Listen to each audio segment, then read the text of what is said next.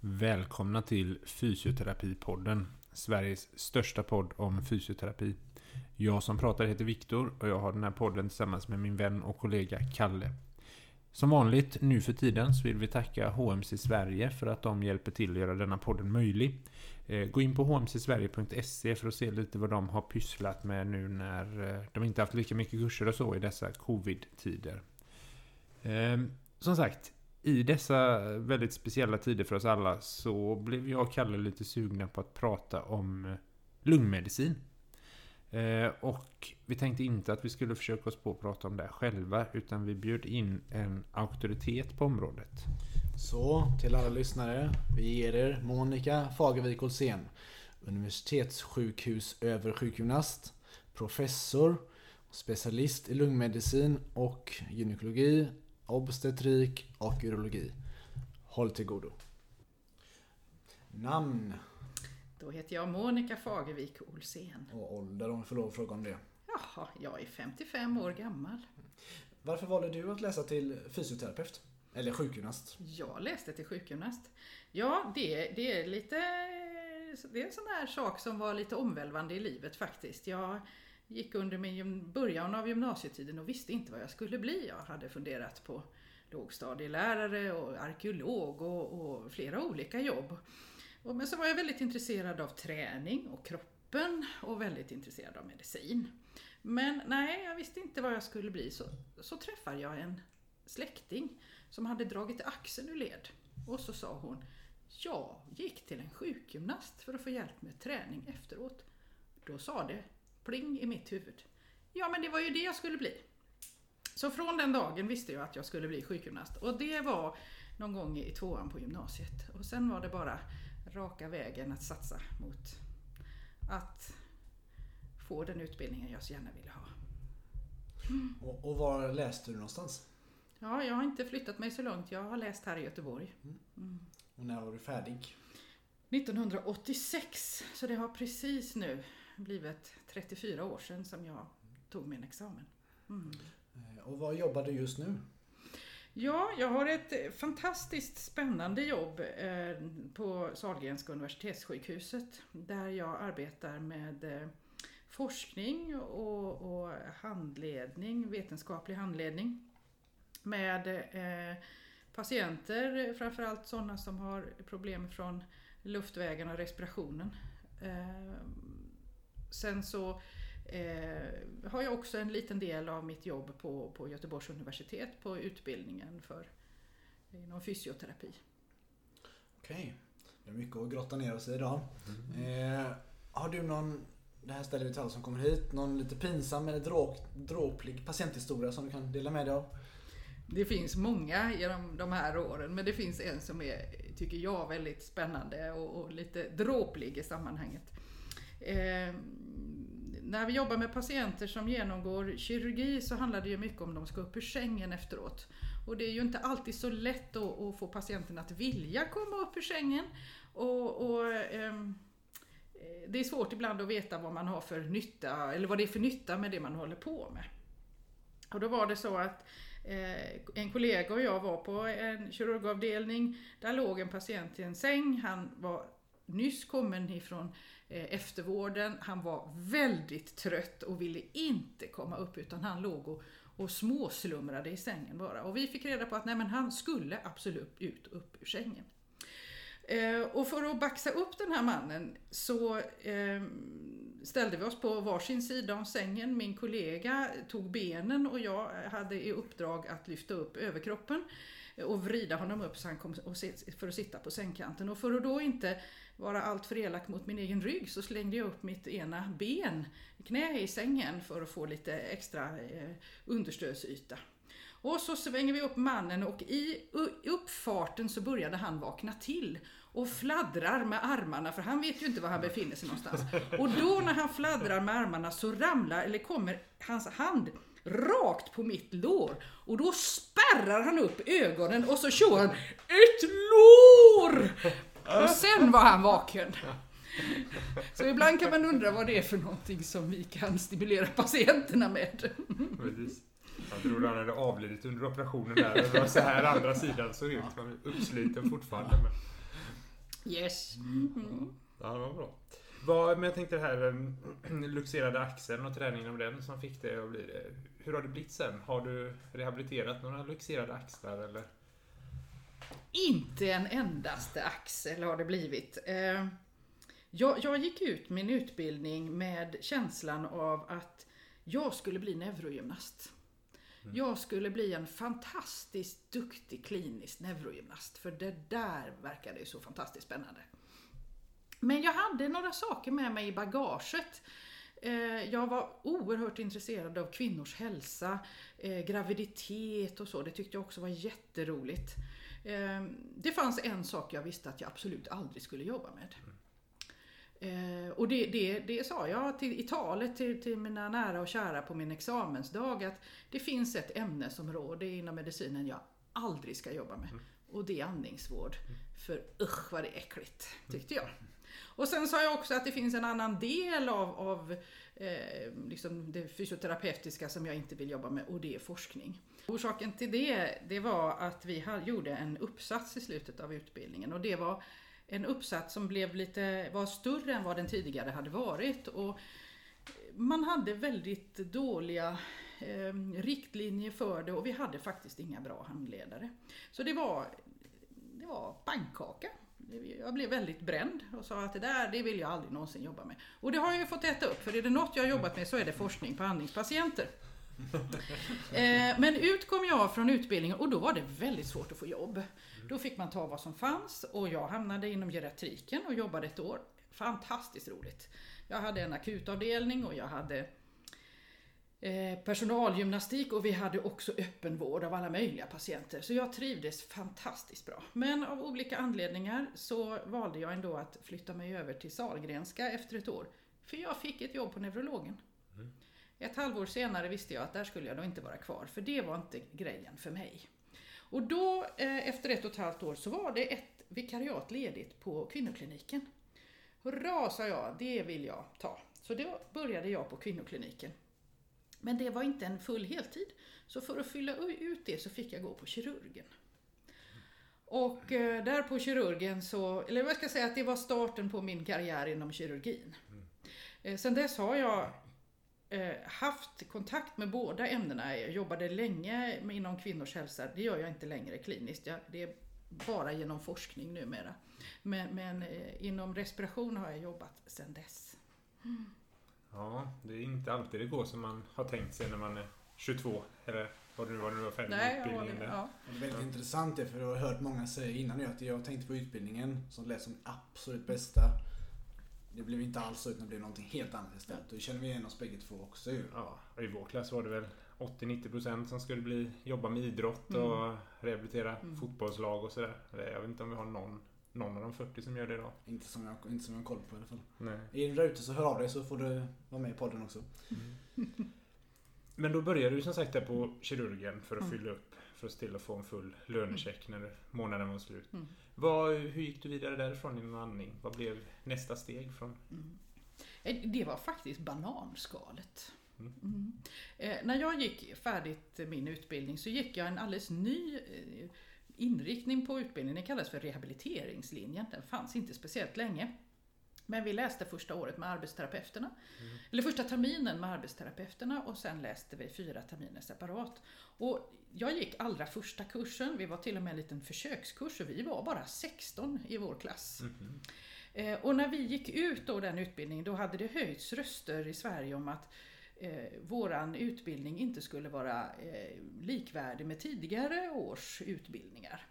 Så att när väl eh, vidareutbildningen som då heter påbyggnadsutbildningen, det som idag är den sjätte terminen. Mm. Eh, när, när, när det gick att söka till den så var det så att vi som hade gått rehablinjen hade förtur. Och jag var ju inte färdigläst när jag hade tagit min examen. Jag var alldeles för nyfiken så jag klev på första kursen. Eh, och eh, då var det så att på den kursen träffade jag en kollega från Halmstad som också jobbade med andning. Och, och vi eh, gjorde där på den kursen en uppsats som då var en, motsvarande en kandidatuppsats eh, i andning. Och helt plötsligt fattade jag ju vad man skulle ha forskningen till. Det här med att ställa sig en forskningsfråga som man kunde ta reda på resultatet, eller eh, man kunde svara på genom sin egen forskning. Det, det var en riktig aha-upplevelse. Då hade vi också en väldigt bra handledare som, som kunde hjälpa oss i processen. Men fortfarande när jag var färdig så, med den kursen så tänkte jag, nej men nu, nu ska det göras andra saker i livet och, och, och eh, jag var föräldraledig en period och sådär. Men sen hade vi svårt att rekrytera eh, sjukgymnaster till kirurgen på den tiden. Det, det var, folk stannade inte, det fanns ofta luckor. Och då tyckte vår dåvarande chef att nej, nu får vi försöka göra någonting åt det här. Så hon sökte och fick pengar för att göra en, en utredning om man behöver faktiskt ha sjukgymnaster på inom kirurgin.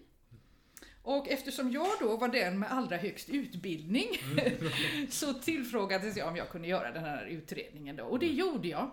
Och så var det inte mer med det, trodde jag. Men den hamnade så småningom på eh, bordet hos vår dåvarande kirurgiprofessor och, och chef som eh, var han som eh, var ansvarig då. Eh, jag minns inte om det till och med var så att de betalade för, för sjukgymnastiken på den tiden. Det har ju varit olika system i ekonomin. Men i alla fall så sa han om inte ni som sjukgymnaster kan visa att ni gör någon nytta här på kirurgen så tänker inte jag betala för er. Ändå ett rimligt åtagande på något sätt. Ja, fast på ett sätt. fruktansvärt kränkande då. kränkande då. Idag lyfter vi inte på ögonbrynet. Nej, men då Men kan man tänka det var första gången vi mötte detta. Liksom. Vem är han som ifrågasätter oss? Men så sa han i nästa andetag. Den som är intresserad av att gå vidare och göra en, ett forskningsarbete, ett riktigt forskningsarbete, så ställer jag upp som handledare. Och precis i den vevan så eh, bestämde jag mig för att eh, jag ville läsa ytterligare. Och gick den forskningsförberedande utbildningen i Stockholm. Och sen så, så rullade det här på. Det blev min magisterexamen, eller magisteruppsats. Jag tog en magisterexamen i Stockholm. Eh, och sen så när vi väl var färdiga med det där projektet.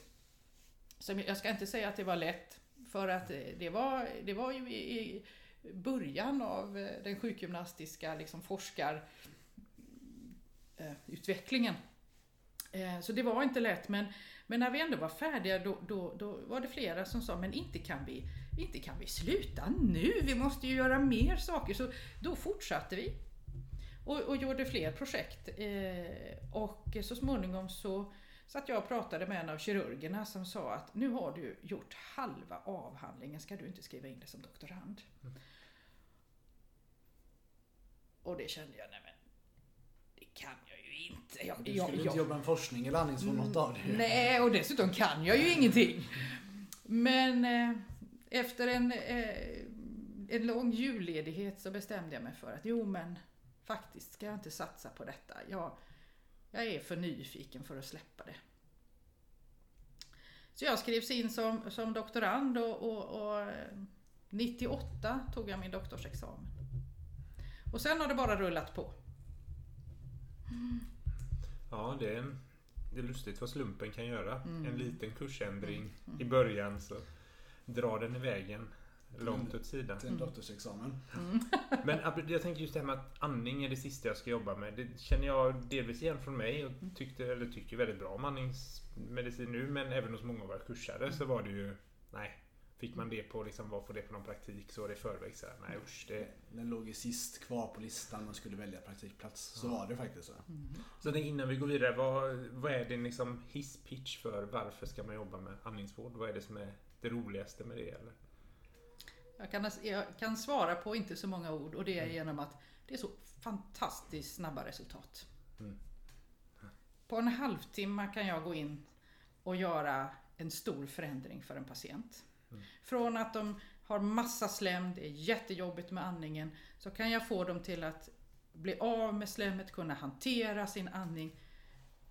Det är väl få förunnat att kunna göra sådana saker. Sen, alltså, visst finns det ju mycket av rutinjobb i andning också. Jag jobbar ju ändå i ett fält inom kirurgin där vi ska få patienten att undvika komplikationer. Och då ser man ju inte så mycket patienter med jättemycket slem, mer än ibland postoperativt.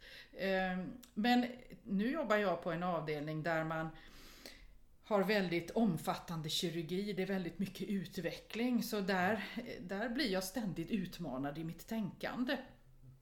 Så att eh, eh jag har väldigt lite rutinarbete på det sättet. Mm. Men, men eh, det finns faktiskt en historia som också jag bar med mig från min grundutbildning eh, som har betydelse i sammanhanget. Och eh, eh, när jag gick min allra första praktik, och då var jag faktiskt på intensiven på Sahlgrenska. Mm. Då fanns det en kollega där som var otroligt duktig på andningsvård. Och det fanns en patient som låg med motsvarande de lungsymptom som patienter idag har. Han hade så kallade vita lungor. Eh, så han hade extremt svårt att andas. Och hon jobbade så intensivt med honom och jag fick följa det under relativt många veckor. Och han överlevde. Mm. Och just det här att se hur hon byggde ihop. Det var, nu för tiden finns det ju CPAP-maskiner som är bara att koppla in i väggen. Hon hade ju ballonger och, och flödesgivare och det byggdes och det mäckades. Det där lockade mig att, att liksom få tänka lite mer och, och, och, att kunna göra så mycket för en patient på det sättet som hon kunde jobba med det, det, det var fascinerande. Eh, jag, eh, jag tyckte ju att andningsträning inte var så spännande så, men just det här som hon gjorde var jättespännande. Och i dagsläget, det jag tycker är spännande i andningsvården, det är ju att koppla det till fysiologin. Att inte bara gå in och rutinbehandla. Det avskyr jag, utan att individanpassa, att, att verkligen göra skräddarsytt för patienten. Det, det är det vi måste göra och gör man det då blir det ju mycket roligare. Mm. Kliniskt resonemang och mm. eh, ja, personcentrerad vård och mm. alla de begreppen vi känner igen från andra, andra områden mm. i yrket också. Eh, har du sett, sett hur det utvecklas då från den här eh, hemmaballongen och flödesmätaren till dagens CPAP man stoppar in i väggen? Eh, hur mycket har det utvecklats och på vilket sätt har det utvecklats? Och har du varit, hur mycket har du varit involverad i det? Ja, alltså vissa delar när det gäller maskinerna så har de ju förändrats enormt mycket i och med elektroniken och så. Eh, där är ju inte jag så eh, kunnig. Eh, men om vi tänker sådana här enklare apparater då, enklare och enklare men CPAP typ, att, att man kan bygga dem annorlunda så att de, de inte är så svåra att, eh, att hantera. Det är väl det som är den stora vinsten. Eh, när det gäller andra andningshjälpmedel, alltså den peppmask som vi har idag som eh, är liksom den standardvarianten, den kom på 80-talet, den ser ungefär likadan ut idag. De har, det ser lite annorlunda ut men alltså grunden är densamma. Mycket av eh, de här hjälpmedlen som kommer, de, det, det, är väldigt likt. Eh, eh, sen kommer det lite nya saker av och till och det är spännande att titta på. Det är spännande att resonera med försäljarna mm. som inte alltid vet vad de säljer. Mm. det kan roa ibland. Ja, min roll i, i, utvecklingen, jag försöker hålla mig utanför. Jag vill inte bli sedd som eh, knuten till något företag eller till någon produkt. Eh, det händer att jag eh, används som konsult eh, vid specifika frågor eller att de önskar att man, eh, eller att jag eh, eh har åsikter om instruktioner och sådana där saker. Och så länge jag kan eh, utnyttjas som konsult och så länge som eh, den tiden jag lägger eh, kan faktureras från sjukhuset så att jag blir en oberoende eh, både kliniker och forskare så, så gör jag stundtals sådana uppdrag. Eh, men det är inte mycket för det är lätt att bli uppäten. Mm. Det där oberoendet är väl klokt att hålla fast i också. Mm. Förutom att det äter tid och allt sånt där. Mm. Jag har glömt en fråga. Den där studien ni gjorde på sjukhuset om, ni var, om det var värt att ha sjukgymnaster på avdelningen. Hur mm. gick det med den? Den du. Ja, den kunde visa att vi hade effekt. Ja, och, och, dessutom rätt så ordentlig effekt. Och sen eh, något som har varit, blivit väldigt roligt, eh, alltså den, den gjorde jag ju då tidigt 90-tal. Jag tror den är publicerad 96. För ett par år sedan var det en kollega i Australien som gjorde om min studie. Och fick samma resultat. Det är häftigt alltså. Eh, och det, förra, förra, förra året blir det nu, dryga året sen, så var jag i, i Australien och träffade en. Eh, och vi tittade då på våra gemensamma data. Eh, och det är lite häftigt att kunna se att eh, någonting som jag gjorde då fortfarande har betydelse idag. Eh, här tänker vi inte så mycket på den studien. Den, den finns med. Eh, tittar man i läroböcker och sådär så, så finns den med. Men eh, på andra ställen har den varit väldigt betydelsefull och används fortfarande.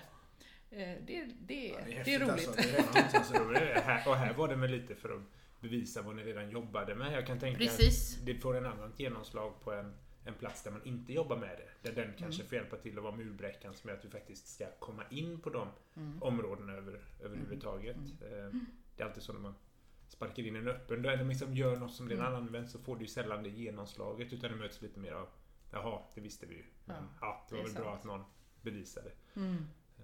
Jag tänkte det här med pepppipan. Eh, som sagt, den har ju sett ungefär likadan ut i 30-40 år någonting. Men hur har det förändrats hur vi använder den? Om, om, man, om man tänker, när du säger nu pepppipa, då, då tänker jag ju på de här lättare ventilerna som har kommit på, på senare år.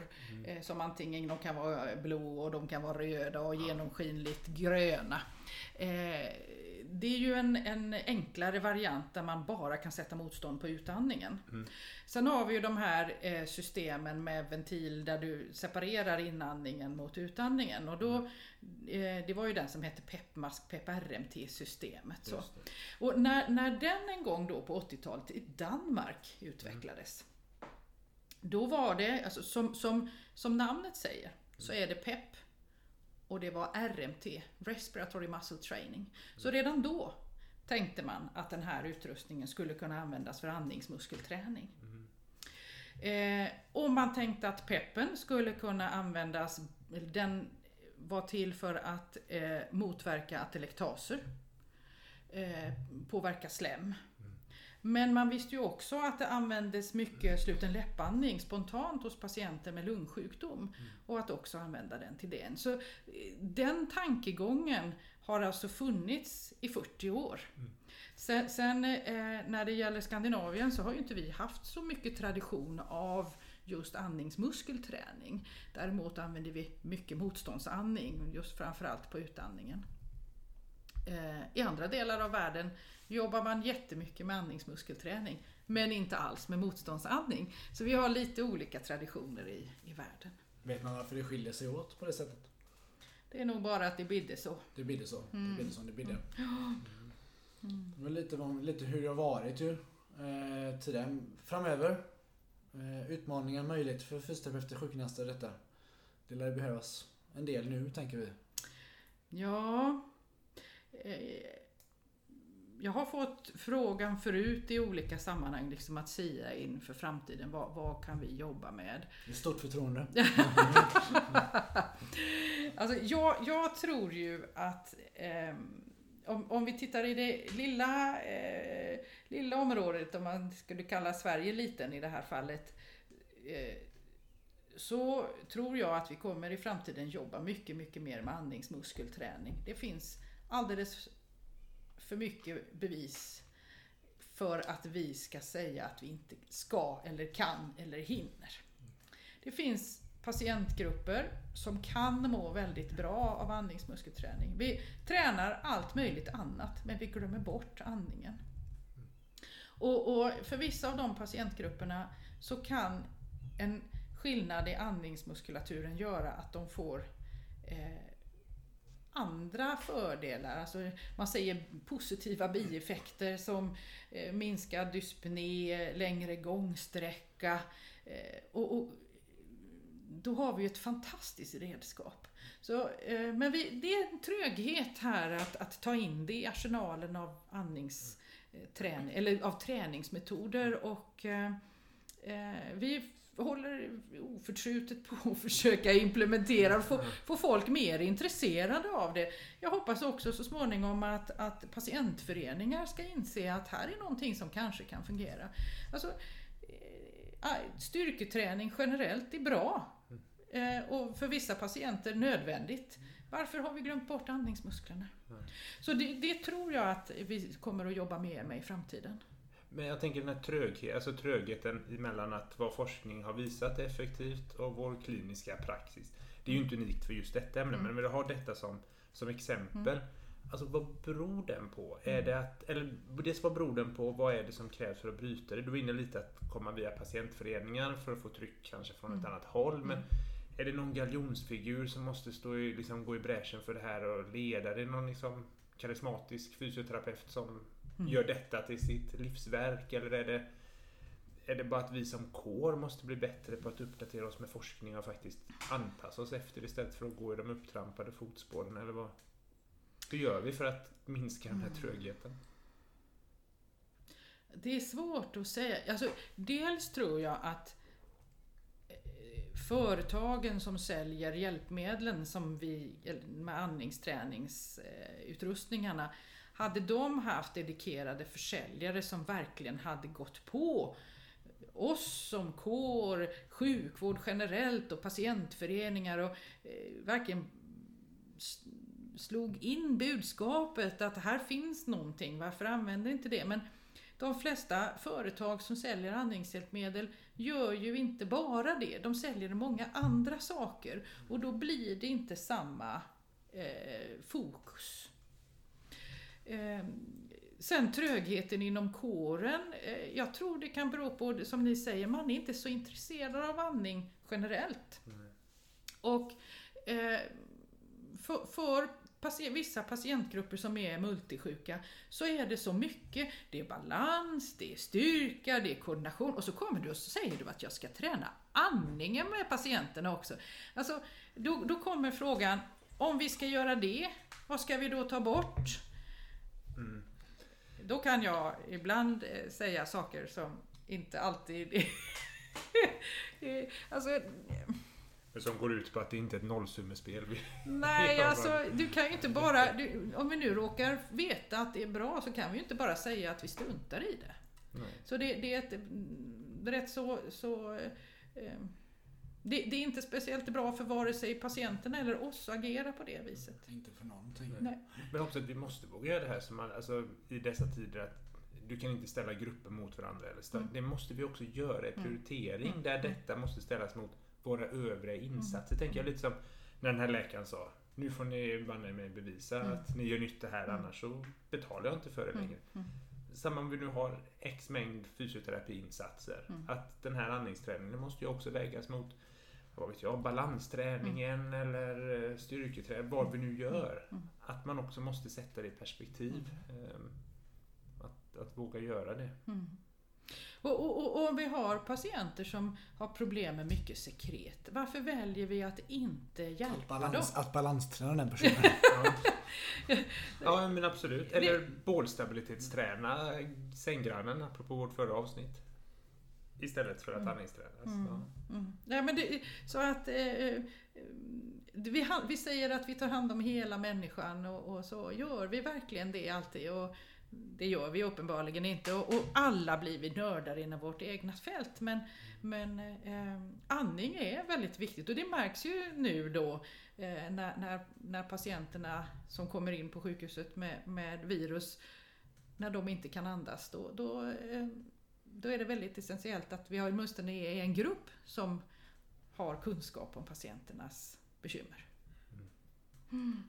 Ja, Hur, hur ser det ut nu? Har ni märkt, eh, vi vet att det har kommit in en del patienter på Sahlgrenska som ligger på intensiven. Hur, hur ser fysioterapeutens eh, uppgift ut med dem? Eller är de inblandade på något sätt eh, än så länge? Och kommer de kanske bli det senare? Och vi vet från utlandet att de privata vårdgivare beställer sig sin personal till förfo- förfogande i princip. För att hjälpa till på sjukhusen om det skulle behövas. Då. Mm. Eh, vi, vi lär ju oss hela tiden. Det här är ju någonting helt nytt. Men som jag tänker det är att jag behandlar inte viruset eller jag behandlar inte sjukdomen. Jag behandlar patienternas symptom. Eh, och, och med ett sånt synsätt så spelar det inte så stor roll vem det är som ligger eller vad de har som ligger i sängen. Eh, men jag tycker ändå det är viktigt att, att, att eh, poängtera att de allra flesta som bär viruset eller, eller har viruset är symptomfria. Och den största gruppen av de som inte är eh, symptomfria, de har väldigt små eller lite symptom. Men för den lilla gruppen som ändå är stor i förhållande till, till eh, eh vad det brukar vara med en säsongsinfluensa. Så eh, de som söker vård det är dels en grupp som kan vårdas på vårdavdelningar och stöttas där eh, och då eh, rida ut viruset. Sen finns det ju en mycket större andel än vanligt som behöver intensiv och tidig intensivvård. Ehm, och, och de symptomen som patienterna har som ligger på våra covidavdelningar det är symptom som vi inte rår på. Det är feber, det är eh, ont i halsen, värk i kroppen och torrhostan. Mm. Torrhostan, där har vi ingenting att ge patienterna. Eh, och de, då ska vi låta dem vara. Mm. Det de behöver, det är syrgas om de är, är, har dyspné. Men, men, eh, vi ska inte andningsträna med dem. Det, det, eh, det finns gamla studier som, som säger att, att eh, torra pneumonier, det ska vi inte intervenera på. Men det, i de studierna som finns från Kina eller beskrivningarna så är det ungefär en tredjedel av patienterna som också har sekret i luftvägarna. Man kanske har KOL eller är gammal rökare och så får man eh, covid-19 också. Och, och de patienterna, då kanske det är slemmet som skälper dem. Kan vi då hjälpa dem att få upp det sekretet från luftvägarna och förhindra att just den individen hamnar på intensiven, då har vi gjort ett gott jobb. Mm. Eh, så där har vi mycket att göra för att hjälpa den här patienten.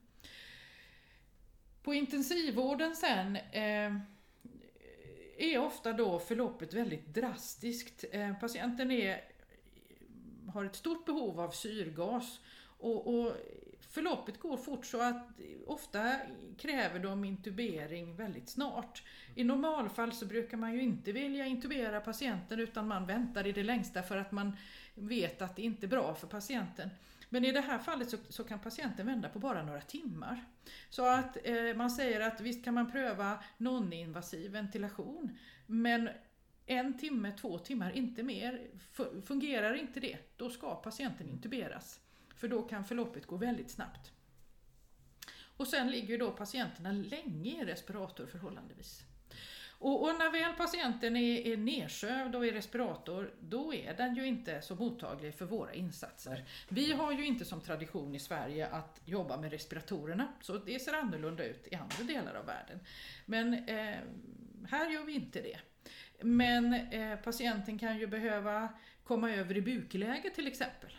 Och då kan vi vara delaktiga i det och delaktiga i att, att eh, utbilda personal i förflyttningsteknik för att det är tungt att vända och väldigt mäckigt att vända en nedsövd individ till bukläge och, så att vederbörande ligger bra. Och där ska den kanske vårdas i säg 15-16 timmar som forskningen, en del forskning visar det vill till att, att vi, vi gör det bra för patienten i det läget och då, då kan vi behöva jobba med, med patienten eller med personalen för att få till de här vändningarna. Men sen den stora utmaningen för oss, det är ju patienten som har varit sövd länge. Som sen väcks och ska börja andas på egen hand. Och som kanske har tappat den mesta eh, muskelstyrkan och, och balansen och då väntar ju en långvarig rehabilitering. Mm.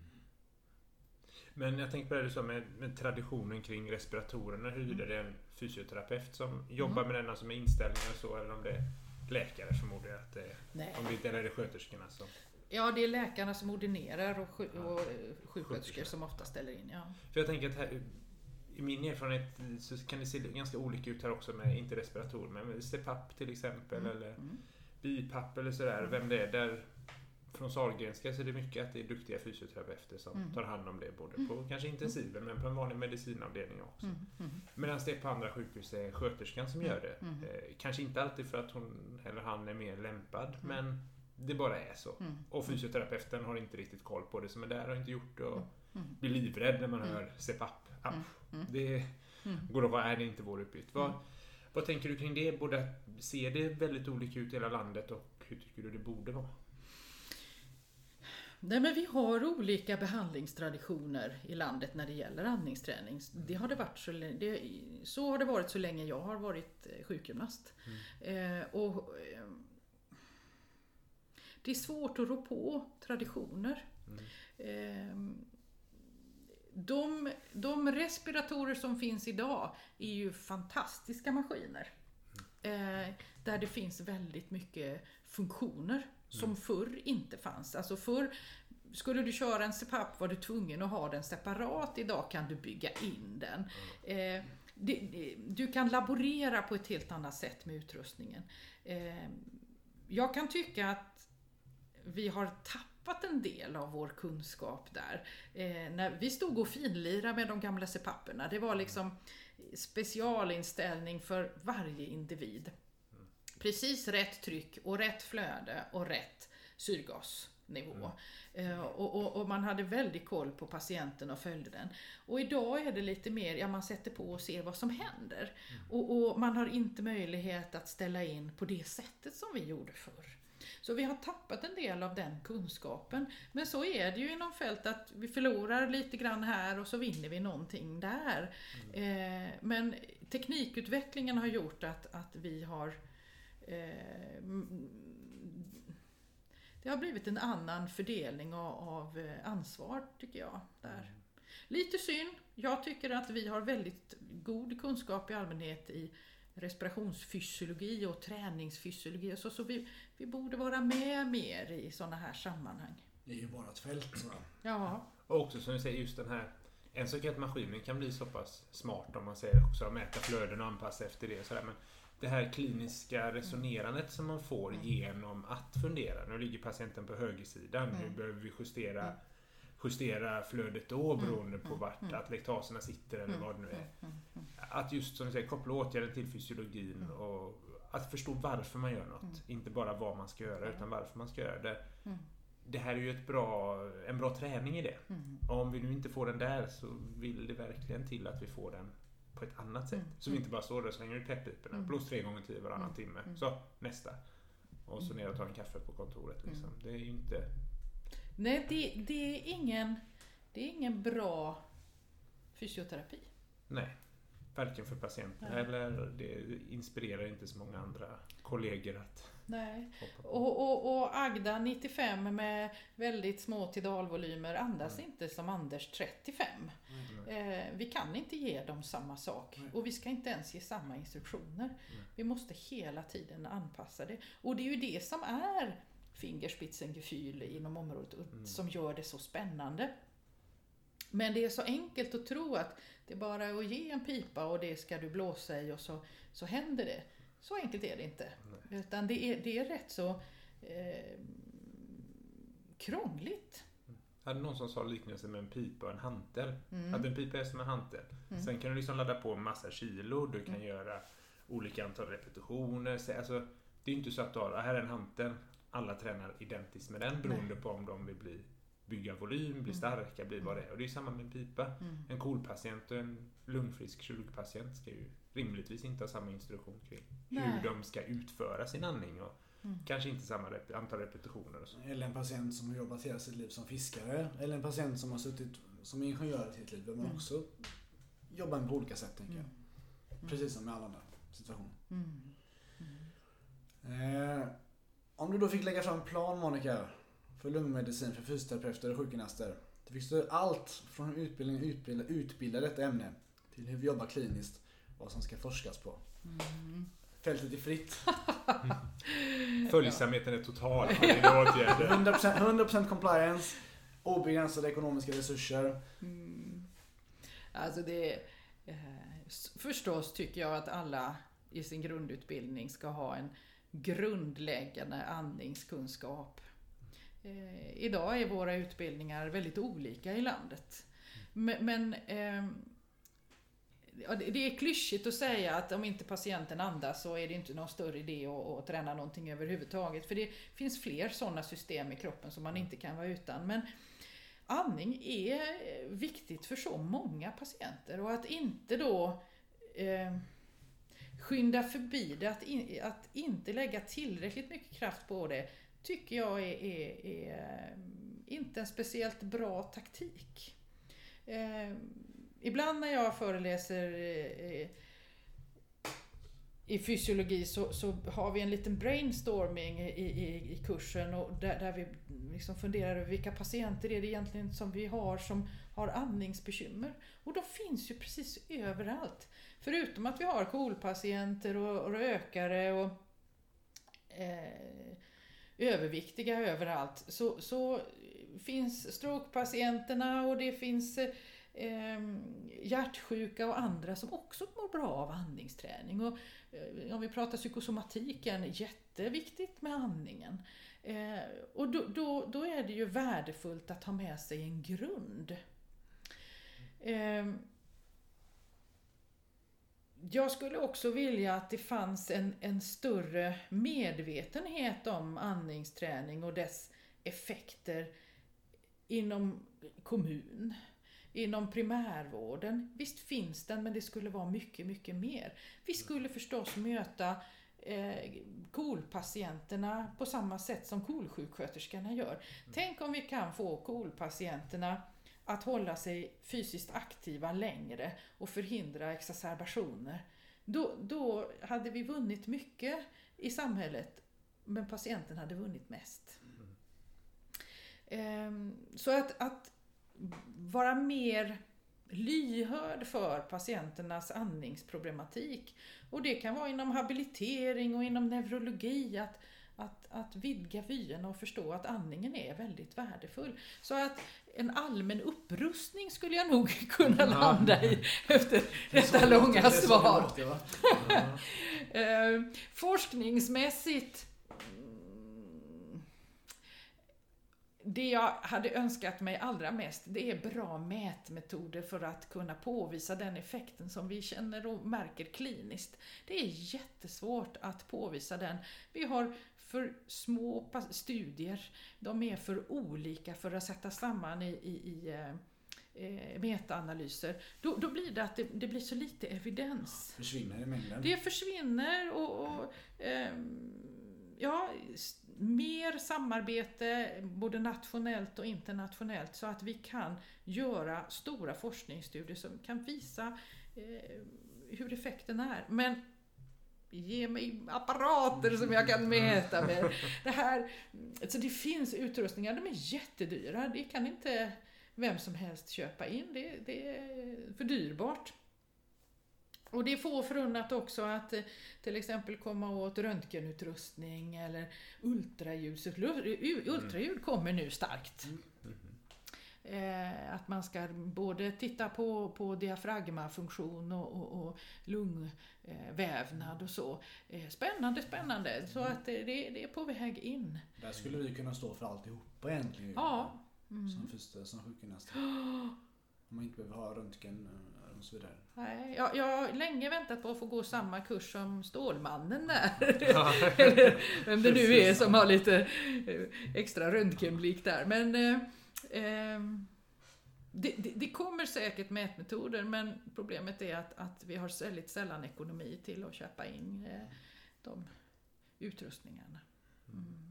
Men i det här exemplet så hade du fria händer. Kanske ja. inte med röntgensynen, ja, ja, Stålmannens kurs har vi inte råd med. Men eh, övriga så, så tror jag att vi kan, kan genomföra det.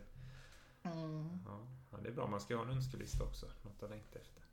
Jag tänkte på det här, två saker. Dels att prata lite med de här patienterna med torrhostan, att de har vi ingen evidens för att vi ska jobba med. Jag blir väldigt glad över att höra också det att man inte bara pratar om vad man ska utan också vad man inte ska. Mm. Det är mm. också en väldigt viktig del i kunskapen. Mm. Man hör ju många som är ja, nördar i sitt ämne där mm. allt ska göras mm. till varje pris. Och då är det lätt att avfärda det för det finns ju alltid något där man inte ska göra det. Och det blir väldigt lätt att avfärda allt för att man liksom går lite för hårt. Slår, slår sig själv för bröstet med en hammare lite mer så. Men jag tänkte också nyfikenheten du pratade om i början. Mm. Du var väldigt nyfiken och det ledde in dig på forskningen mm. och vidare. jag hör ju nu att den har hållit i sig, nyfikenheten. Men Mm. jag tänker det är många som är nyfikna Mm. när de börjar Mm. eh, gå utbildningen och så vidare. Men min upplevelse bland kollegor är att den titt som tätt avtar. Har du haft några speciella knep för att hålla den vid liv? Eller har den bara alltid levt vidare? Eller har du några tips? Jag är nog en, när det gäller nyfikenheten, en rätt så rastlös person. Liksom, att det finns alltid nya saker som är spännande. Men, men eh, min eh, smala lycka har varit en fantastisk arbetsplats. Eh, och, och när jag började forska var det ju inte många som forskade och jag var ju förhållandevis ung när jag startade också. Men i dagens läge att få den möjligheten som våra medarbetare har att kunna eh, vidareutbilda sig akademiskt och ha betydelse i sin roll eh, som disputerad och, och driva olika forskning och utvecklingsfrågor. Det är ju en fantastisk utmaning och en möjlighet. Eh, ja, definitivt ur akademisk synpunkt den allra bästa arbetsplatsen i Sverige. Vi har en sammanhållen stor verksamhet eh, Eh, där det finns möjligheter att, att eh, förändra och, och justera allt efter behov. Och, och att som forskare bli mottagen och finnas med i ett, ett forskningssammanhang där man kan samarbeta med andra eh, och där man kan, när man har forskningspengar, eh, jobba mycket med sin forskning och när man inte har så mycket forskningspengar så har man sin klinik i grunden. Där vi har en grundinställning att det är, är viktigt att, att fortsätta forska. Det är det som, jag har hamnat i en god jordmån. Mm. Och, och det tror jag är väldigt viktigt. Vi, vi har inte så, så bra jordmåner generellt i, i, eh, inom medicin. Ju. Det, alltså bara jämföra oss med Chalmers. Mm. Ja. Eh, där det finns forskar, eh, doktorandtjänster och postdoc och forskningsmedel och amanuentspengar. Vad har vi? Mm. Nej, det är lite skillnad. Ja, det, alltså det är inte bara en liten skillnad, det är en enorm skillnad. Och det kan man också fightas för. Men där tycker jag också det börjar hända saker i regionen. Eh, Det här med de, de nya tjänsterna som vi har på, på Sahlgrenska, eller det är inte nya tjänster utan nya titlar vi har. Men, men att vi har samma karriärmöjligheter som läkarna, det är betydelsefullt. Verkligen. Mm. Ja, karriärsvägen tror jag verkligen på. Men det, jag tänker att ett hinder som vi har där är ju att mycket av det ska ju egenfina- egenfinansieras om du ska läsa vidare. Att då Mm. Går du ner i tid och så gör du det halvt på fritiden och halvt. Eh, hur ser du på det? Kommer vi behöva fortsätta med det och lita på individernas drivkraft att själva vilja bli bättre för att det är så stimulerande? Eller? Kommer vi få arbetsplatser som efterfår, eftersöker det så mycket så att de faktiskt kan betala oss medan vi vidareutbildar oss? Sådana arbetsplatser finns det ju redan. Och jag tänker på, är det region, det är någonstans Sörmland tror jag det är, där man inrättade specialist eh, liksom utbildningstjänster. Jag tror det är Mm. Sörmland. Eh, det finns arbetsplatser som stöttar mycket men kanske är det också så att vi måste förstå att, att går man en utbildning på halvfart så är det en utbildning på halvfart också, att man avpassar eh, tiden till det. Alltså det, det är ju så olika om jag går en kurs, mera klinisk kurs så är det några dagar kanske, eller det är några dagar här och där. Går man en, en, en kurs på universitetet, det är mera omfattande i både tid och, och, och man får jobba mycket med eh, uppgifter och sådär. Man måste vara beredd på att avsätta den tiden det tar. Och Ja, visst kan regioner och arbetsgivare avsätta medel, men det är svårt att, att finansiera det fullt ut. Mm. Där kan man ju å andra sidan snegla på sjuksköterskorna med sin Mm. specialistutbildning som ligger på universitetsnivå. Eh, varför har de, men inte vi? Eh, läkarnas AT-ST, vad motsvarar det? Eh, Så det Mm. går ju att snegla på andra och man kan undra varför vissa har men inte andra.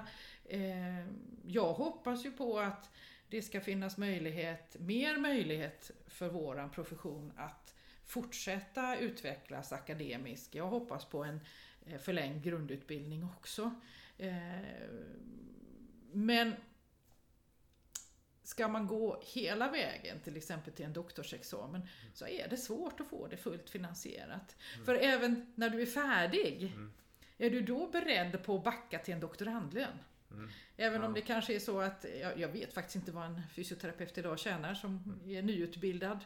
Nej, inte det heller. Inte det heller. Men, men doktorandlönen är förmodligen bra mycket mindre än det och det ändå så är den ju hög i förhållande till ett vanligt studiebidrag. Ja. Mm. Så att vi har möjlighet, vi har en fantastisk möjlighet i det här landet. Ehm, Ja, kanske är det så att vi behöver vara lite bättre på att berätta hur man gör och, och, och alltså det, det är svårt för gemene man att veta hur blir man doktorand? Vad, liksom, hur, hur kan jag få min doktorsexamen? Ehm, Så det finns många eh, föreställningar som inte alltid motsvarar. Så det är ju ett gediget arbete att ge sig in på en forskarkarriär. Mm. Eh, som inte går att fullt finansieras. Men det finns andra kurser innan man kommer dit. Det här med, med både fördjupade kurser i ämnet eh, och i, i vetenskapsmetodologi. Eh, och där kanske arbetsgivaren har en då större intresse att vara med och sponsra. Men det är att man skulle få till exempel halvtids ledigt för att läsa på halvfart. Det, det känns lite utopiskt. Ja, nu är vi optimister här. Ja men det, fin- det finns sådana som har det. Ja, Ja, ja. visst. Och det där med förlängd grundutbildning tycker jag, det har vi ett framtida poddavsnitt, Ja. eh, hör jag ju Mm. direkt här Mm. och funderar lite kring. Det blir en paneldiskussion. Student, erfaren fysio, lärare på skolan. Ja, ja. Precis, skapa lite friktionsytor där Ja. så att det blir lite debatt kring det. Mm. Mm. Mm. Mm. Ja, eh, vi tänkte vi avrundar lite där. Mm. För denna gången. Mm. Kanske bjuder in igen och hör om andra delar. Kvinnohälsa har vi inte haft något avsnitt om än, Nej. till exempel. Fantastiskt kul att ha dig här Monica. Tack. Att du vill vara med. Eh, vi brukar säga lite, ta hissen ner. Det är okej att göra, du måste inte ta trappan ner. Vilken fråga, vad tog du upp hit? Är fjärde våningen, var det hissen eller trappan? Idag har jag åkt hissen upp. Ja, men det är bra. Då... Perfekt gäst i podden helt Mm. enkelt. Fysioterapeuter kan ta hissen också. Absolut.